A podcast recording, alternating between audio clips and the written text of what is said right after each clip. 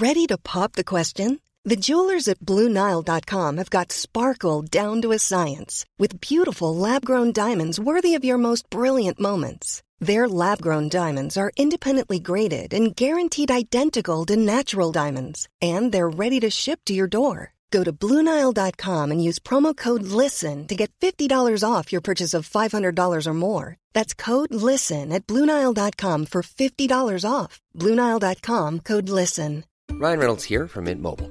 With the price of just about everything going up during inflation, we thought we'd bring our prices down. So to help us, we brought in a reverse auctioneer, which is apparently a thing. Mint Mobile unlimited premium wireless. Ready to get 30, 30, bit to get 30, bit to get 20, 20, 20, bit to get 20, 20, bit to get 15, 15, 15, 15 just 15 bucks a month. So, Give it a try at mintmobile.com slash switch.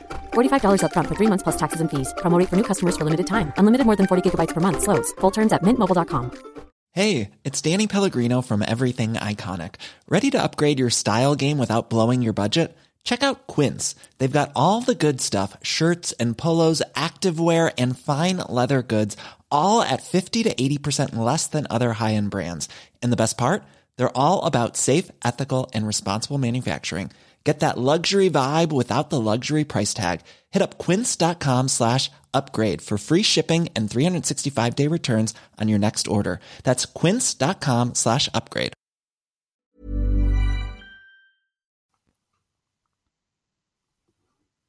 Så påverkar digitaliseringen vår arbetsmiljö. Ja, digital teknik, det är ju faktiskt ingen fluga som en minister sa om internet någon gång på 90-talet. Det är en viktig del av våra liv, både privat och på jobbet. Och betydelsen av teknik växer hela tiden. Vad kan man göra idag till exempel utan bank-id och Swish eller bara en smartphone? Mm. Men eftersom den digitala utvecklingen sker konstant så smyger sig förändringar på också som vi knappt märker. Som tur är finns det smarta forskare som har koll på sånt här. Idag ska vi prata om hur det digitala påverkar vår arbetsmiljö, om både hot och möjligheter och vad vi själva kan förbättra redan idag.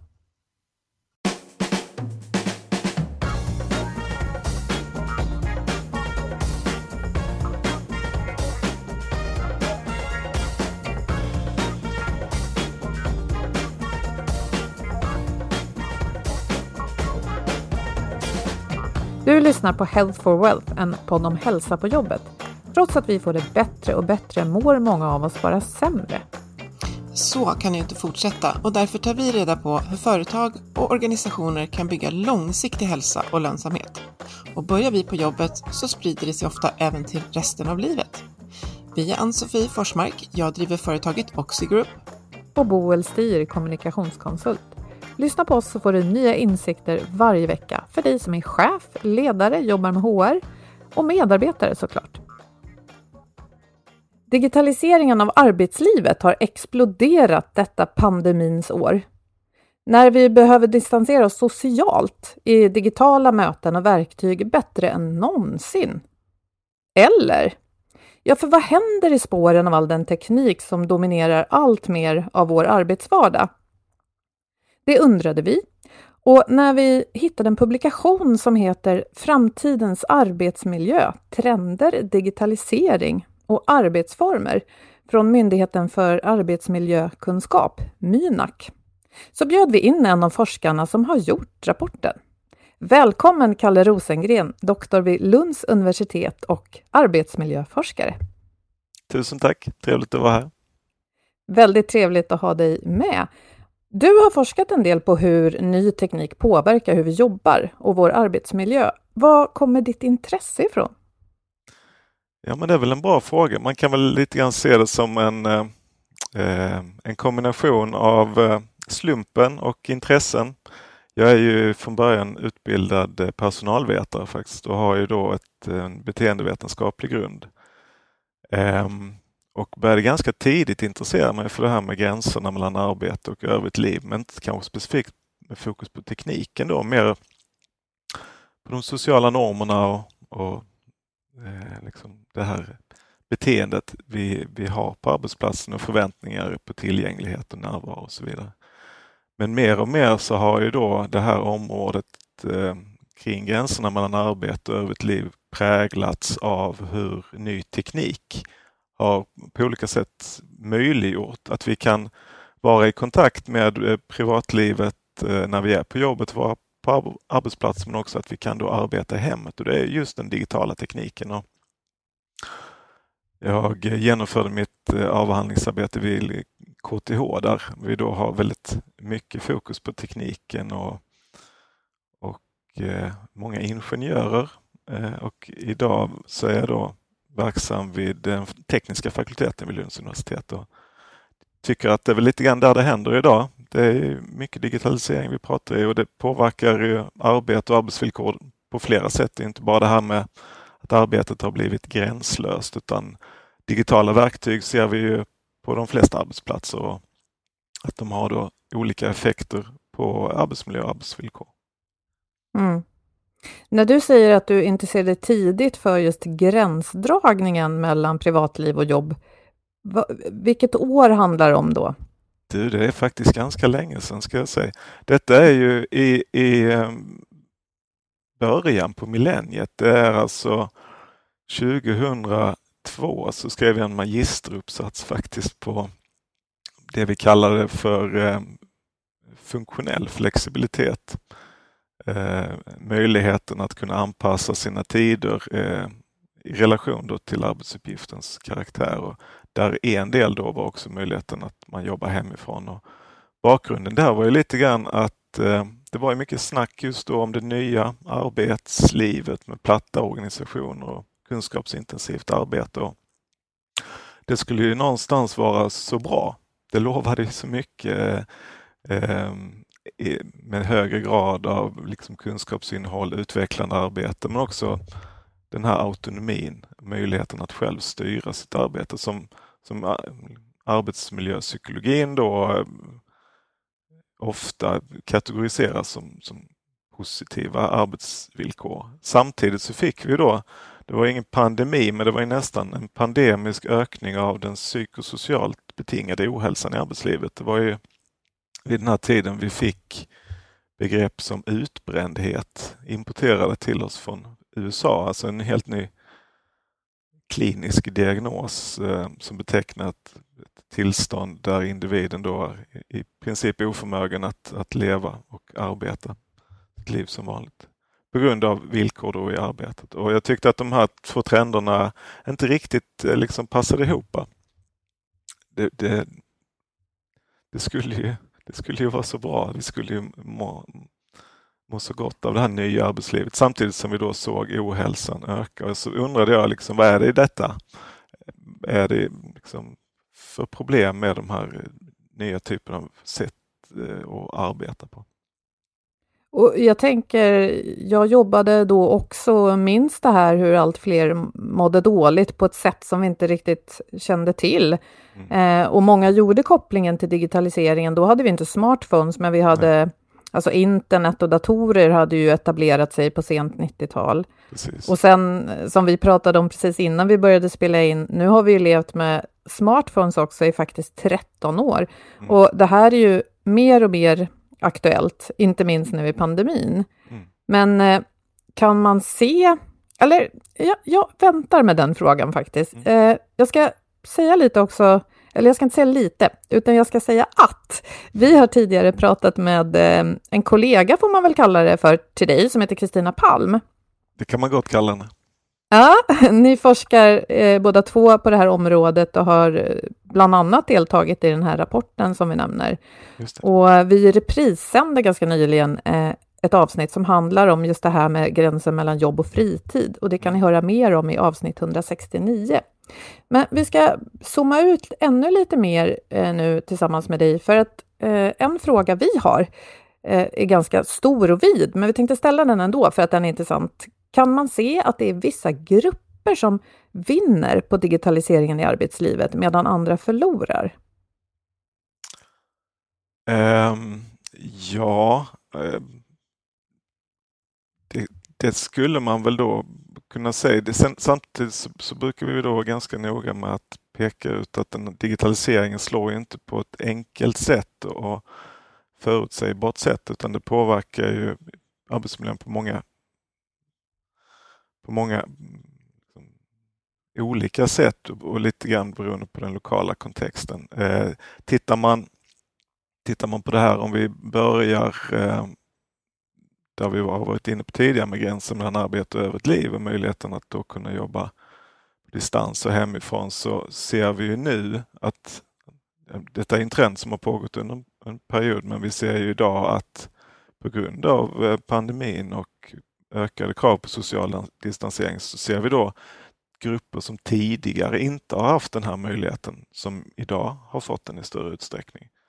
Ehm, och Det är ju intressant. Samtidigt så ehm, Samtidigt kan man då säga att för vissa så innebär det då att man har fullständig frihet att styra sitt arbete, det vill säga att jag jobbar enbart på distans kanske och eh, har inga andra förväntningar. Samtidigt så ett av eh, företagen som, eh, som ingick i en, studie där vi har studerat just eh, detta där har du anställda som har schemalagda arbetstider. Man, man ska vara på sin arbetsplats under vissa tider. Samtidigt så har man då fått en smartphone där man då förväntas att vara tillgänglig för sin chef. Så där kan vi då se grupper som, som inte har, har vunnit kanske på det.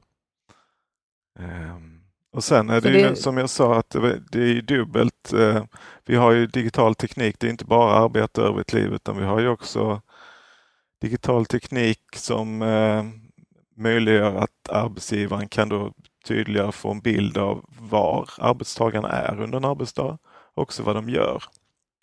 Inom hemtjänsten till exempel så har du digitala verktyg idag som eh, arbetstagarna använder för att logga eh, arbete i fält så att säga. Var, vem man är hos, vad, vilka insatser man har gjort och så vidare. Eh, väktare eh, har vi också den här digitala tekniken där de loggar var de är någonstans. och Lastbilschaufförer. Eh, och det kan man ju då å ena sidan säga att eh, det är någonting positivt för de här grupperna. Att eh, liksom det är en trygghet. Arbetsgivaren vet vad de är om det skulle hända något. För hemtjänstpersonalen kanske det är en trygghet att jag har loggat att den här personen har fått sina mediciner och fått den omvård som den, den ska ha. Å andra sidan så kan man då se att eh, de har blivit mer kontrollerade och övervakade. Där man då tidigare hade större frihet att styra sin tid och eh, var jag var, var liksom, det fick helt enkelt arbetsgivaren lita på att jag gjorde det jag skulle. Eh, mm. Jo, för att det faktum att man är på en plats en viss tid säger ju inte så mycket om kvaliteten i det arbete man utför. Nej. Och, och, tror du att det finns en risk då att, att arbetsgivaren lätt kontrollerar platsen och tiden och tänker att så, nu är allt bra, eller? Ja, så skulle det kunna vara, absolut. Eh, det finns ju också en risk att eh, man liksom, den här datan som genereras av arbetstagaren, att man hade en, en tanke från början. Kanske att det enbart skulle vara att säkra att vissa vårdinsatser har utförts eller att att arbetsgivaren vet eh, var jag är om det skulle hända någonting. Samtidigt så, så, kan ju den här datan då potentiellt användas för ökad grad av kontroll av arbetstagarna. Och vi såg ju också att när vi då börjar använda digitala verktyg inom hemtjänsten så blev ett arbete som tidigare var ganska fritt, att de fick styra sin tid själva och införa, göra sina insatser, eh, har nu då blivit uppstyckat och tidsatt i större utsträckning i olika tidsmoment. Lite grann som eh, tidiga industrialiseringen. När man ja, började bygga bilar på helt nya sätt. I, jag faktiskt så tänker jag lite grann på det ibland att du har inte eh, en skruv som ska dras i på 0,3 sekunder men du har en stödstrumpa kanske då på sju minuter eller social kontakt eller en dusch som är då tidsatt. Ja, och möte mellan människor som styrs av minuter och timmar.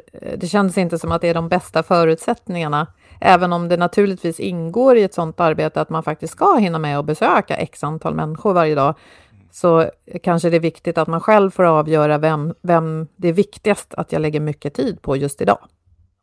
Precis. Så det här... Tänk... Ja, förlåt, Anne, kom in.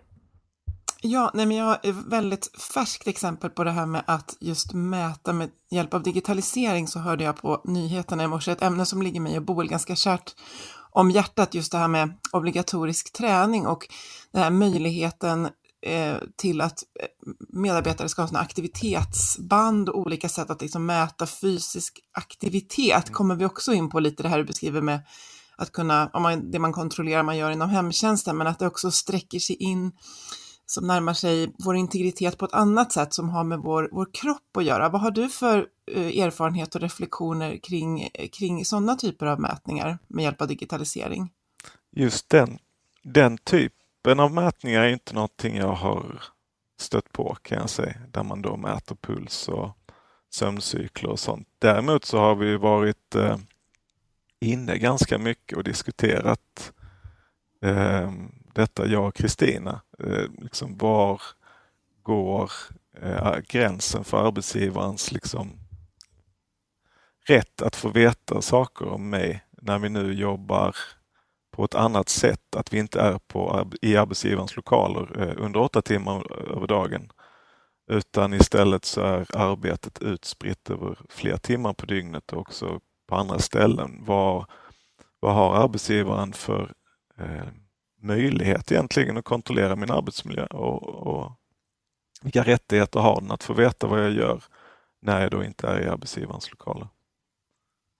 Och, och där tänker jag, vilket, vilket, stöd tänker du finns där med hjälp av arbetsmiljön till exempel? Har ni, har ni, har ni, har ni landat kring någon, eh, någon, någon reflektion eller vad man kan hitta för, för typ av gränsdragning där?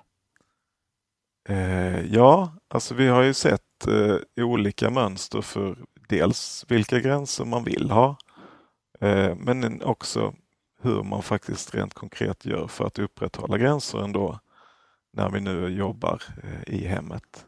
Eh, eh, och för vissa så är ju då eh, detta inte något problematiskt. Det finns ju de som gärna skiftar mellan privata sysslor och arbetsrelaterade sysslor över en dag och inte ser några problem med det. Sen finns det ju de grupperna där man verkligen försöker hålla de här sfärerna isär och det har ju såklart blivit svårare idag eh, när vi nu jobbar hemma.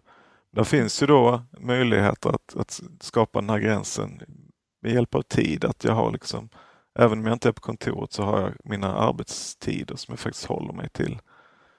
Eh, pratar vi specifikt den digitala tekniken så finns det också möjligheter där att skapa gränser. Du kan ju eh, kan man ju liksom använda tekniken på ett sätt så att du ändå upprätthåller gränser. Man kan ha olika kanske då ringsignaler, om det är familj eller kollegor eller eh, har jag notiser avstängda från mejlen efter vissa tider? Eh, har jag en eller två mobiltelefoner?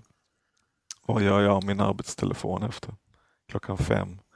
Eh, där fanns ju ett par eh, intressanta exempel i vår studie där man då har fått en mobiltelefon av chefen och förväntas lite grann att ha med den hem och vara tillgänglig men att, men att jag kanske då stänger av ljudet och lägger telefonen i väskan och sen ställer jag väskan längst in i garderoben. Mm. Och hävdar ändå att jag är tillgänglig för att den är ju faktiskt på det händer ju att jag går in i garderoben och tittar ner i väskan. Ja. Se om det har hänt ja, så, ja.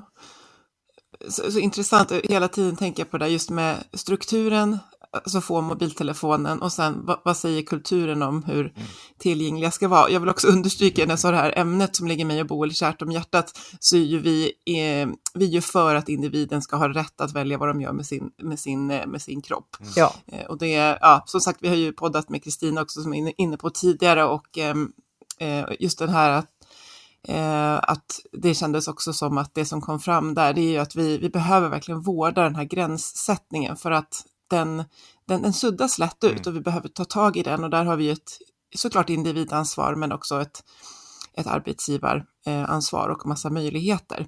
Men, eh, ja, men som sagt åter till, eh, till just det här med digitaliseringen. Jag tänker mycket mm. på att för många av oss så är det lite som ett skrämmande, ett skrämmande ord som är ganska abstrakt tills man gör det konkret för sig själv. Att möjligheter till digitalisering eh, finns, men vi behöver göra det konkret vad det betyder för oss på just vår, vår arbetsplats. För att mm. ja, det går ju att göra, medan vi poddar här så kommer det gå att göra nya saker, men frågan är ju vad vi, vad vi faktiskt ska göra. Och jag tänker på vad är, Vad är de bästa möjligheterna egentligen med just teknik i arbetslivet, tycker du?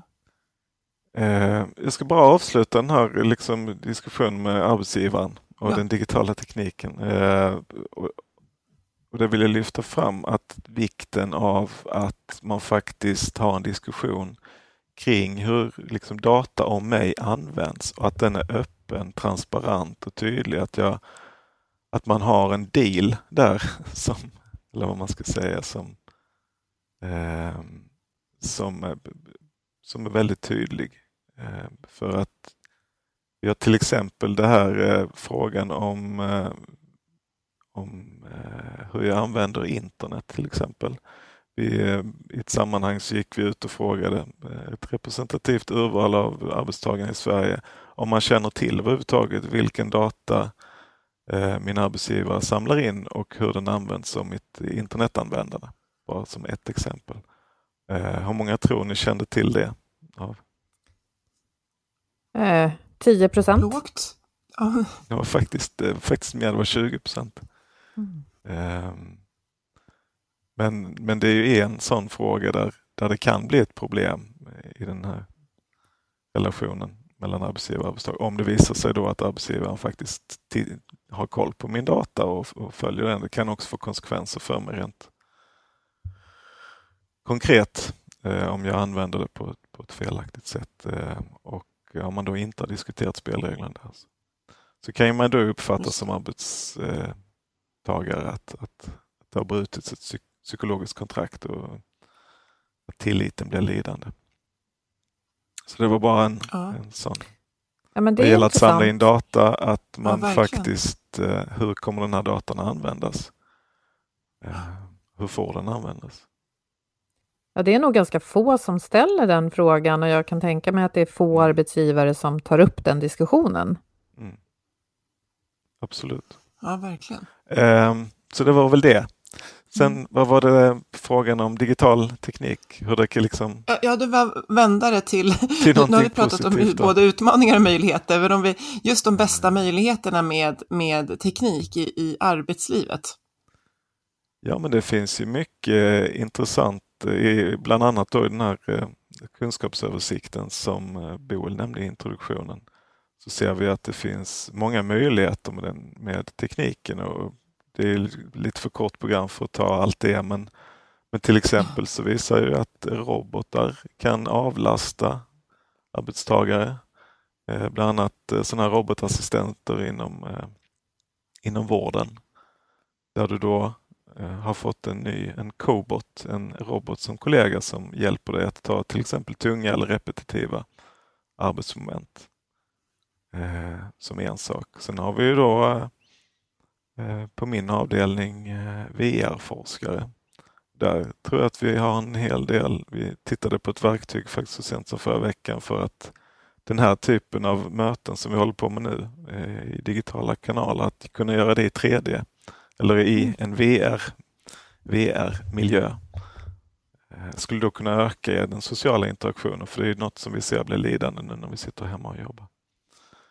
Eh, vi har ju eh, augmented reality som, som då kan eh, möjliggöra att vi kan se risker och annat på, i, på farliga arbetsplatser och kunna undvika dem. Vi kan också vi återgår till VR så kan man då träna sig i potentiellt farliga arbetsmiljöer. Eh, simulera en brandövning till exempel eller någonting annat för att jobba med det förebyggande eh, arbetsmiljöarbetet. Så där finns mycket positivt och tittar man på forskningsfältet så ser vi då att de här mer teknikorienterade forskarna är ju väldigt positiva till den digitala miljön. Det, var ju väldigt tydligt i vår kunskapsöversikt. Tittar man då på eh, humanisterna, beteendevetarna, så har man en mer negativ syn på, på tekniken. Är, är det, tror du, för att man är benägen att se hoten om man är hu- humanist och, och, och mindre benägen om man är tekniker? Eller? Ja, absolut. Man är ju skolad mer liksom som sociolog till exempel att se makt i samhället och strukturer som, som begränsar eh, individer och som eh, ingenjör så har du hittat på en schysst grej som kan hjälpa någon. ja men det är klart. Ehm, så, eh, så det är lite intressant och det är väl ett problem då hur forskarvärlden är uppbyggd i sådana här stuprör där vi har våra, liksom, vi har våra konferenser, vi har våra journaler eh, eh, inom disciplinerna och eh, kopplingarna mellan disciplinerna är kanske inte alltid riktigt så många som man hade velat se. Så jag tror det behövs mer tvärvetenskap där vi har både de som är kunniga djupt om tekniken men också att man kan då se relationen mellan tekniken och individen och eh, få in den typen av kunskap också. Och kanske då tidigt också i utvecklingen av nya digitala verktyg att eh, vi får med både tekniken och människan där. Ja, och jag tänker också på mm, den här kunskapsöversikten och inte rapporten kanske som jag eh, felaktigt sa. Eh, där ser ni också den här komplexa bilden av att det finns en massa fördelar, att man, eh, det finns möjlighet till större inkludering, att mm. den, eh, den vanliga medarbetaren kan få större makt för att digital, digitala verktyg och rum kan platta, platta ut organisationer. Det är lättare att komma i kontakt med varandra. Mm. Jag menar, bara idag är det ju lättare att skicka ett slackmeddelande till chefen än det var för 50 år sedan att gå in i hans eller hennes rum, antagligen, skulle jag gissa. Eh, men också det att, att det finns grupper som förlorar på det här och ofta är det väl så att man, det är väl ofta redan de som inte har så stor makt som blir förlorare igen, skulle jag gissa. Håller du med om det, Kalle? Eh, ja, ja, kanske till viss, till viss del. Eh, det här med eh, liksom att möjligheten till inflytande. Det var ju tydligt i en kunskaps, den här kunskapsöversikten har inneburit att vi har läst in oss på ett antal artiklar, eller väldigt många artiklar inom fältet och där var just en av dem som, som lyfte fram en en industriell miljö där man då hade upplevt att man hade med hjälp av den digitala tekniken fått ett ökat medarbetarinflytande. Och det handlar ju dels om att du kan skicka ett meddelande till chefen lättare. Du har digitala förslagslådor men också att som arbetstagare så hade jag kanske endast kunskap om en väldigt begränsad och liten del av processen tidigare. Men med hjälp av digital teknik så har de då fått en mycket bredare kunskap om och har liksom i realtid en koll över flödet i hela fabriken. Vilket då vi vet kan skapa då en känsla av sammanhang och, och mening på ett sätt som, som ofta den industriella produktionen bryter ner i och med att man delar upp det i små beståndsdelar. Så, så, så, istället för att bara se det jag fysiskt har runt omkring mig och precis. de kollegor som finns där, så kan jag få en insyn i hela verksamheten? Precis. Nej, men det, det, känns som att flexibiliteten och friheten å ena sidan, det är liksom på vinnarsidan, inflytande, men också ökad kontroll som du var inne på. Eh, och tänker jag också möjligheten till alltså, nya innovationer som delningsekonomin har medfört, där den som har svårt att få jobb kan hoppa på liksom olika typer av giguppgifter som är lågbetalda. Mm. Nej, men Uber och, och alla de här mattjänsterna och så vidare. Men sen finns det ju också giggare som, som älskar det här och som kallar sig för digitala nomader och tänker att liksom, de vill resa jorden runt och jobba var som helst ifrån och kan göra det också. Ja. Det är väl, ja. ja det är en intressant, ja men där har du ju verkligen olika grupper där det slår olika, som du var inne på. Eh, därför vissa har, har det hamnat i väldigt väldigt styrda miljöer och en väldigt osäker situation där då arbetsgivaren i större utsträckning tog risken tidigare att det inte fanns någonting att göra men jag hade ändå lön och en anställning. Där man då idag har lagt över den risken på, på individen.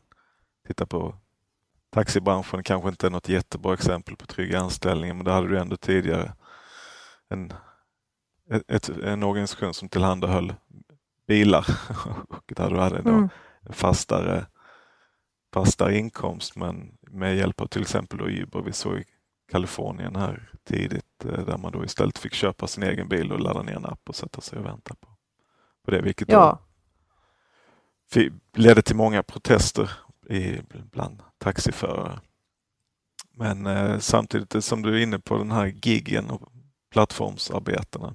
Sitter faktiskt och diskuterar en, ett möjligt projekt där nu jag och ett par kollegor. Och när man tittar närmare på plattformsarbete och gigarbete så blir det tydligt hur brett det fenomenet är. Att där finns ju plattformar, såklart om vi tänker mest på där du gör fysiska tjänster i rummet. Ehm, men det finns ju också de där det, som är, arbetet är helt virtuellt, där du har liksom gig online. Du kan sitta, sitta och göra små eh, enkla, eh, rutiniserade arbetsuppgifter på, på distans helt och hållet. Men sen finns det också de mer kvalificerade eh, arbetena i den, i den här plattformsekonomin. Att du kan ta mer komplexa jobb online.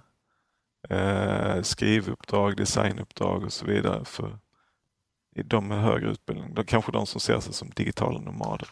Men sen har man också fysiska tjänster som utförs på plats med hantverksyrken som också fördelas genom de här plattformarna. Så plattformen är ju liksom bara en, någon form av mediator. Men att det som medieras där kan vara väldigt olika saker. Eh, och för vissa tycker jag att det passar dem jättebra. Kanske en viss del i ens liv när man håller på att plugga, att du har lite extra arbeten där. Men för vissa tenderar ju att fastna i den här typen av osäkra anställningar. Det är inte inte som det många gånger beskrivs som någon trampolin in i tryggare arbeten, utan du fastnar helt enkelt där. Mm. Och då handlar det väl mest om att man skulle behöva hitta en annan typ av jobb, gig eller inte. Men om man nu är en sån här på, på ett eller annat sätt utsatt gig-situation mm. eh, med osäker inkomst eh, ja, och, och, kanske ingen som riktigt tar ansvar för att man ska få den där lönen utan man får mest hoppas. Mm. Eh, har du något tips som har studerat det här området på hur man kan hjälpa sig själv att bli mindre utsatt? Ehm, ja, alltså eh, det är en svår fråga. Jag skulle nog ändå vilja lyfta det här att det, det handlar om att ta en diskussion hur man faktiskt då kan göra den här typen av jobb och anställningar bättre och tryggare.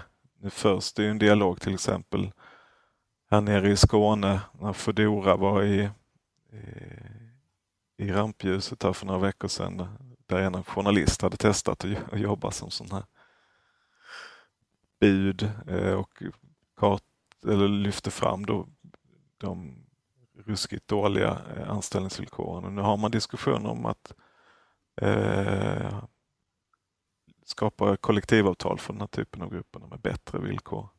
Så eh, det är klart att du har ju alltid som individ möjlighet att kan göra val att och ändra din livssituation. Samtidigt tycker jag det är viktigt att diskutera, eh, vill, vill vi ha den här typen av jobb på arbetsmarknaden och hur ska de bäst kunna regleras?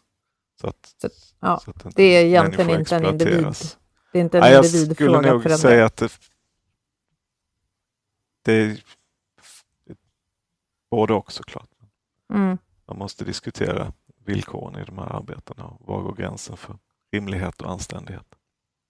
Ja, så det är mer en samhällsfråga och, och också som du säger, vilken typ av samhälle vill, vill vi ha?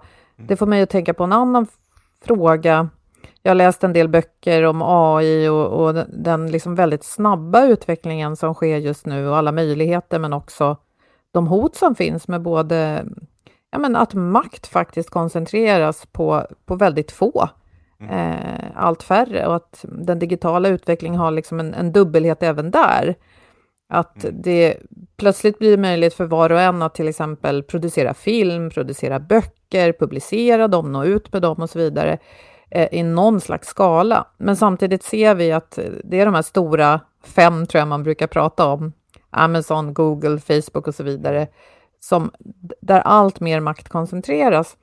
Och i den här diskussionen så har jag snappat upp något som jag tycker är en intressant frågeställning, där flera personer har sagt att varje kodare, varje person som bygger en sån här tjänst som har med AI eller maskininlärning att göra, behöver faktiskt fundera och ta ansvar för vad hon eller han bygger och tänka på vad det skapar liksom, och leder till. Vad, vad tänker du om den idén? Ja, men den är intressant. Det finns ju begrepp inom ingenjörsforskningen idag som pratar om trusted computing till exempel, eller privacy by design, det vill säga att du bygger in hänsyn till individens integritet i själva programvaran.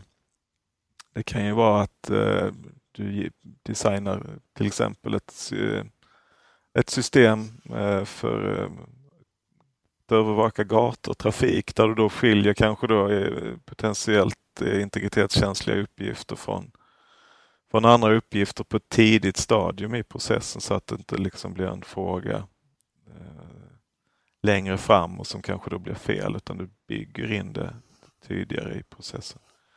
Um, så helt klart så finns det ju mycket att, att, göra där, att man, man tänker på att det här kommer ju att, att bli någons arbetsmiljö i förlängningen eller påverka någon, hur någon arbetar. Men först och främst så är det ju bara att få in den. Nu, menar, nu, nu jobbar jag som, som lärare också på tekniska fakulteten och undervisar och ingenjörer i, eh, i beteendevetenskaplig liksom, beteendevetenskapliga teorier. Och det här, bara att få upp liksom ögonen för att faktiskt den här tekniken kommer att påverka hur man utför ett arbete. Eh, den insikten tror jag man behöver börja jobba tidigt med, för jag tror inte att man tänker i de flesta fall att detta då kommer att påverka någons arbetsmiljö. Vad möter du för, eh, för tankar och reflektioner då i, i de diskussionerna? Ja, men det blir alltid jättebra. Jag upplever, eh, upplever att eh, ingenjörer många gånger är mer öppna för beteendevetenskaplig forskning än beteendevetare är för teknikforskning, ingenjörsforskning faktiskt.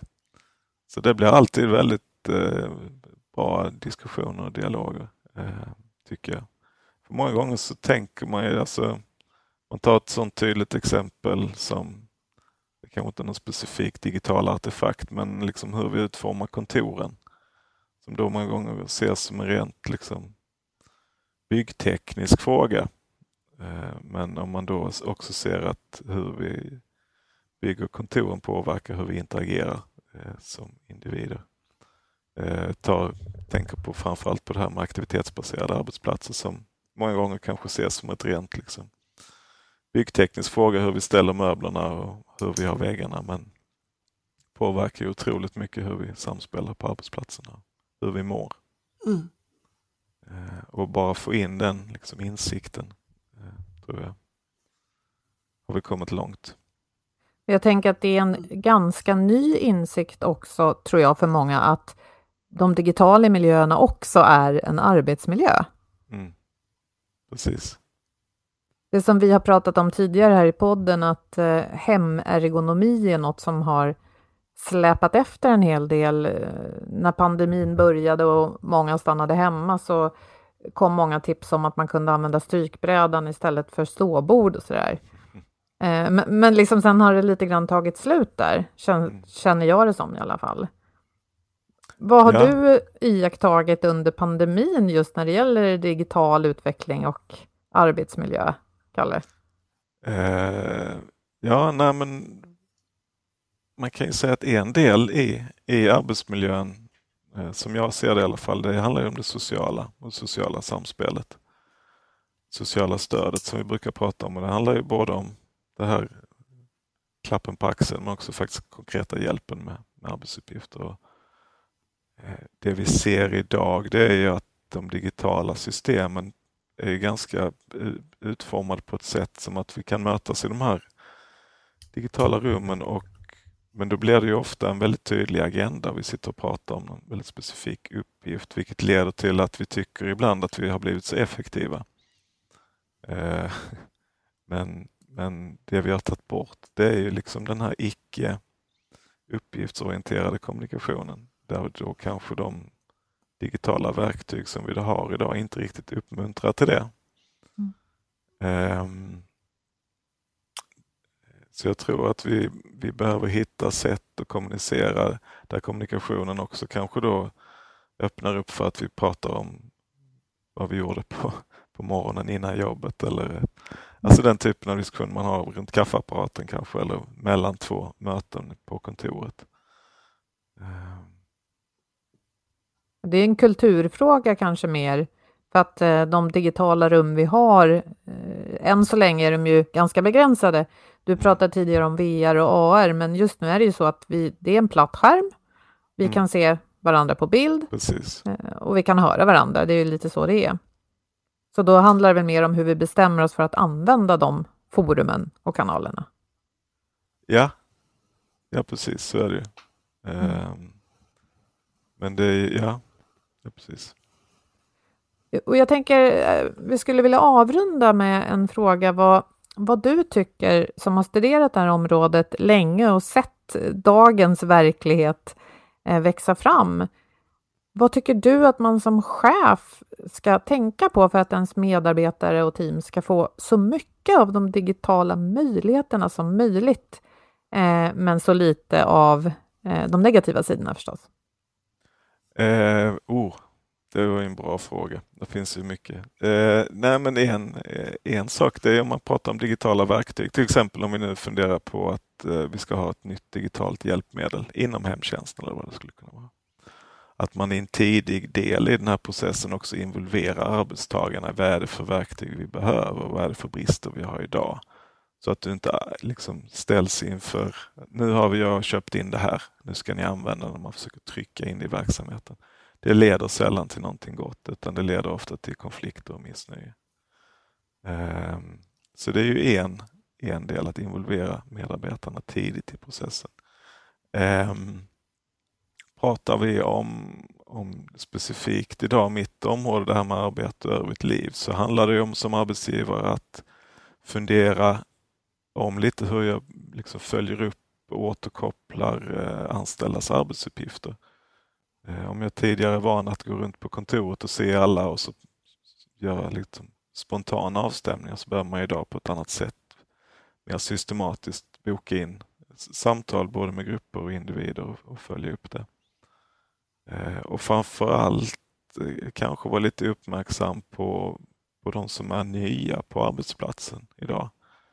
Eh, för, för det ser vi också i, i, i forskningen att grupper som har jobbat tidigare tillsammans och som känner varandra har jobbat liksom pre-corona eller i den fysiska världen kanske inte blir lika problematiskt att ställa om till att endast mötas digitalt.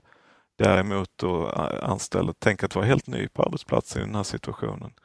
Eh, hur kommer jag då in i den sociala gemenskapen? Eh, de kan behöva någon, hur gör man digitala liksom, in, introduktioner, virtuella kickoffer. Men också att man grupper som tidigare kanske då inte har jobbat tillsammans. Att det blir svårare att få igång en, en gruppdynamik. Och det behöver man också lägga lite extra kraft på tror jag. Och där är det väl extra viktigt med de här forumen som inte är så eh, agendastyrda, utan där man bara får mötas, antar jag. Ja, precis. Mm. Jättebra tips. Och, Jag eh, tänker verkligen att, ja. att man behöver tänka till. Mm. Har man inte tänkt till så vet man att man behöver göra det. Man behöver eh, som arbetsplats och även alltså, om man känner själv som medarbetare att det här inte är på, på tapeten, att vi faktiskt gör någon typ av inventering av den påverkan som eh, de digitala möjligheterna har, så, så kan man på något sätt flagga för det. Och så tänker jag att det, det känns lite som att det är ju en, en, en liten specifik kompetens att ha. Alltså man, man ska veta att frågan ska behandlas på arbetsplatsen, ska se vad jag är ute efter här. Eh, men man kanske behöver ta hjälp av någon som är duktig på att på något sätt både riskbedöma och möjlighetsbedöma, för man kanske inte kan se alla eh, både möjligheter och utmaningar som, som man säger, citationstecken vanlig individ. Absolut. Och att man, eh, en sista kommentar bara, att, när man, att man också diskuterar lite, att vi inte alltid bara säger vi ska lösa eh, panik, dagens situation, utan man också funderar på hur kan vi jobba framöver? Vad tar vi med oss ur detta? Eh, jag tror att många kommer fortsätta jobba i större utsträckning på distans, men att vi, att vi funderar på just de här, hur får vi till det sociala? Det kanske blir någon hybridvariant. Många kommer jobba i att vi kommer vi kommer fortsätta ha kontor och mötas men att det kanske blir mer fokus på det, på det sociala där. Mm. Mm. Ja, antagligen. Det ska bli spännande att se hur, hur verkligheten ser ut om de månader eller vad det nu är, när vi kliver ut i en ny, ny normalläge. Tack så hemskt, Kalle, för att, eh, tack så hemskt mycket, Kalle, för att du ville vara med här idag. Trevligt var, att vara här. Tack. Jätteintressant att höra. Vi ska också berätta att hos vår samarbetspartner motivation.se, Sveriges ledarskapssajt, har vi den här veckan valt ut en artikel om just digitalisering som process och resultat. I den här texten går skribenten Eva Braf igenom dels vad digitalisering är, hur det går till och så lyfter hon fram några intressanta paradoxer som framförallt ledare behöver ta ställning till. Vi lägger en länk i inlägget förstås som vanligt. Ja, och vi tackar Kalle igen. Vi tackar er som har lyssnat och vi tackar våra samarbetspartners Motivation.se och Agda Media för den här produktionen. Följ oss på LinkedIn, kommentera gärna våra inlägg, det här avsnittet kanske, och säg hej så hörs vi om en vecka igen. Sköt om er. Tack och hej! Hej då! Tack och hej!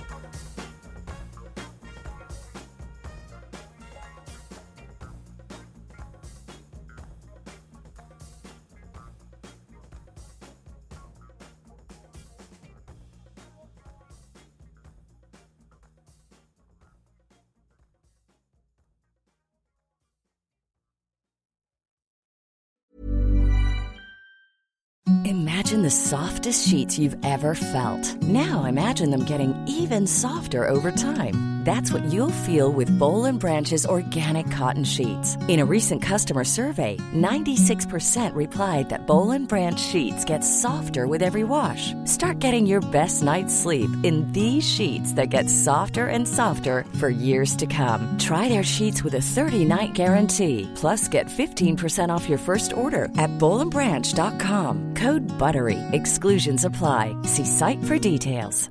Mom deserves the best, and there's no better place to shop for Mother's Day than Whole Foods Market. They're your destination for unbeatable savings, from premium gifts to show-stopping flowers and irresistible desserts. Start by saving 33% with Prime on all body care and candles. Then get a 15-stem bunch of tulips for just $9.99 each with Prime. Round out Mom's menu with festive rosé, irresistible berry chantilly cake, and more special treats. Come celebrate Mother's Day at Whole Foods Market. Even when we're on a budget, we still deserve nice things.